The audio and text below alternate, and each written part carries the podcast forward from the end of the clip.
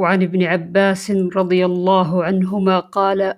بت في بيت خالتي ميمونة بنت الحارث زوج النبي صلى الله عليه وسلم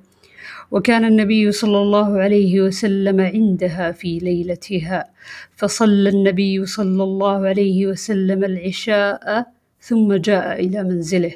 فصلى أربع ركعات ثم نام ثم قام ثم قال نام الغليم أو كلمة تشبهها.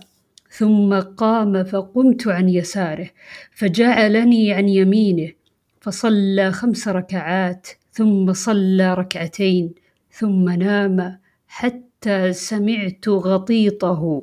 أو خطيطة ثم خرج إلى الصلاة.